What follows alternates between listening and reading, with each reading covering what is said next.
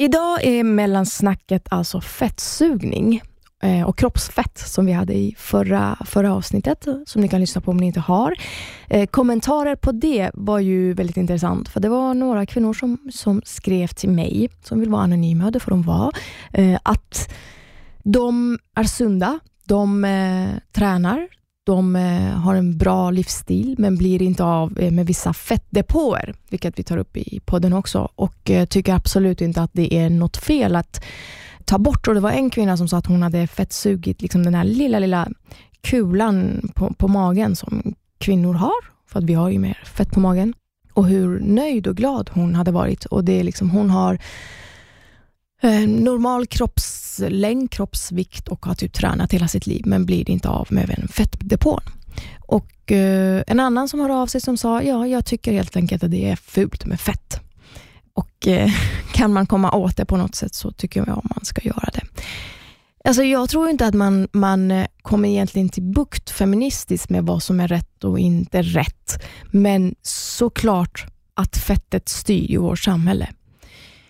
Det är ju fake it till you make it. Liksom. Du sätter ju på dig kläder som det ska vara på ett visst sätt för att fettet inte ska synas, för att man ska se smal ut, för att magen inte ska hänga ut, för kärlekshandtag, bh-valk.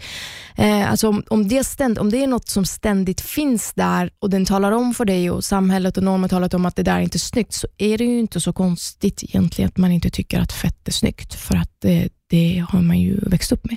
Det har ju blivit ens narrativ.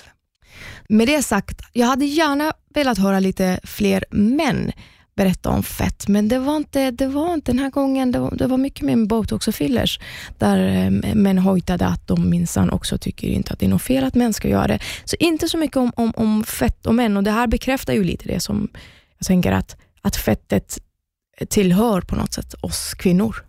Mycket mer än vad det gör med män. Att det är mycket mer skamligt att ha fett.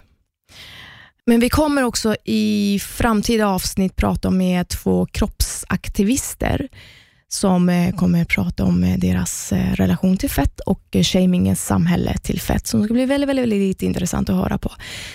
Med det sagt, fake it till you make it. Och Jag skrev ju också att jag inte känner någon som har bantat, att jag aldrig träffat en kvinna som inte har bantat.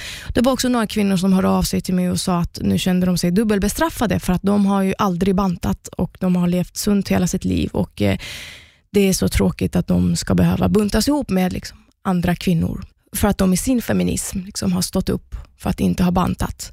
Men nu pratade jag ju om att jag, Bahar Pars, aldrig har träffat en kvinna som inte har bantat. Jag menade ju inte att alla kvinnor är så. Eh, och Allt jag säger i den här podden utgår jag ju självklart ifrån mig och mina egna erfarenheter eh, med att vara kvinna och det jag är uppväxt med. Jag har fortfarande aldrig träffat en kvinna som inte har bantat. Nu har ju några av er som har skrivit till mig på Instagram och jag tycker ni är jättekola som inte har bantat. Men de facto kvar just står att vi lever i ett samhälle som är besatt av dieter. För mig blir det lite grann som att hashtag inte alla män. Och för att inte shamea eller dubbelbestraffa så måste vi väl ändå hålla med om att det finns en standard och när vi liksom har accepterat att det finns en standard så kan man liksom lämna sig själv kanske som individ, den individuella feminismen och säga så här, ja, men vad är det för bild jag själv också vill gå under och så, och så vidare. och Så vidare. Så huruvida om jag skulle göra fettsugning eller inte, mm, jag vet inte.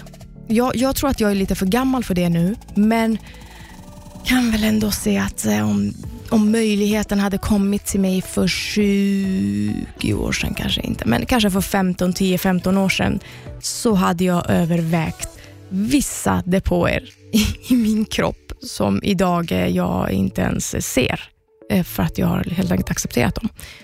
Så att ja, fake it till you make it, helt enkelt.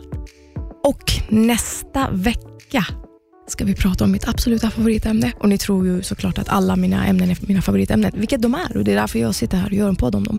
Men det är ju kroppshår alltså. Kroppshår, alltså att vara hårig.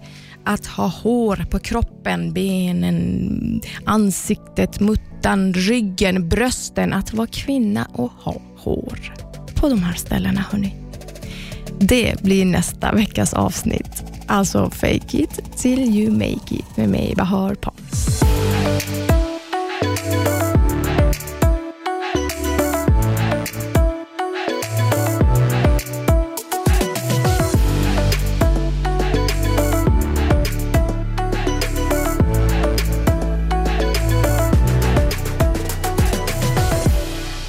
Produceras av I Like Radio. I like radio.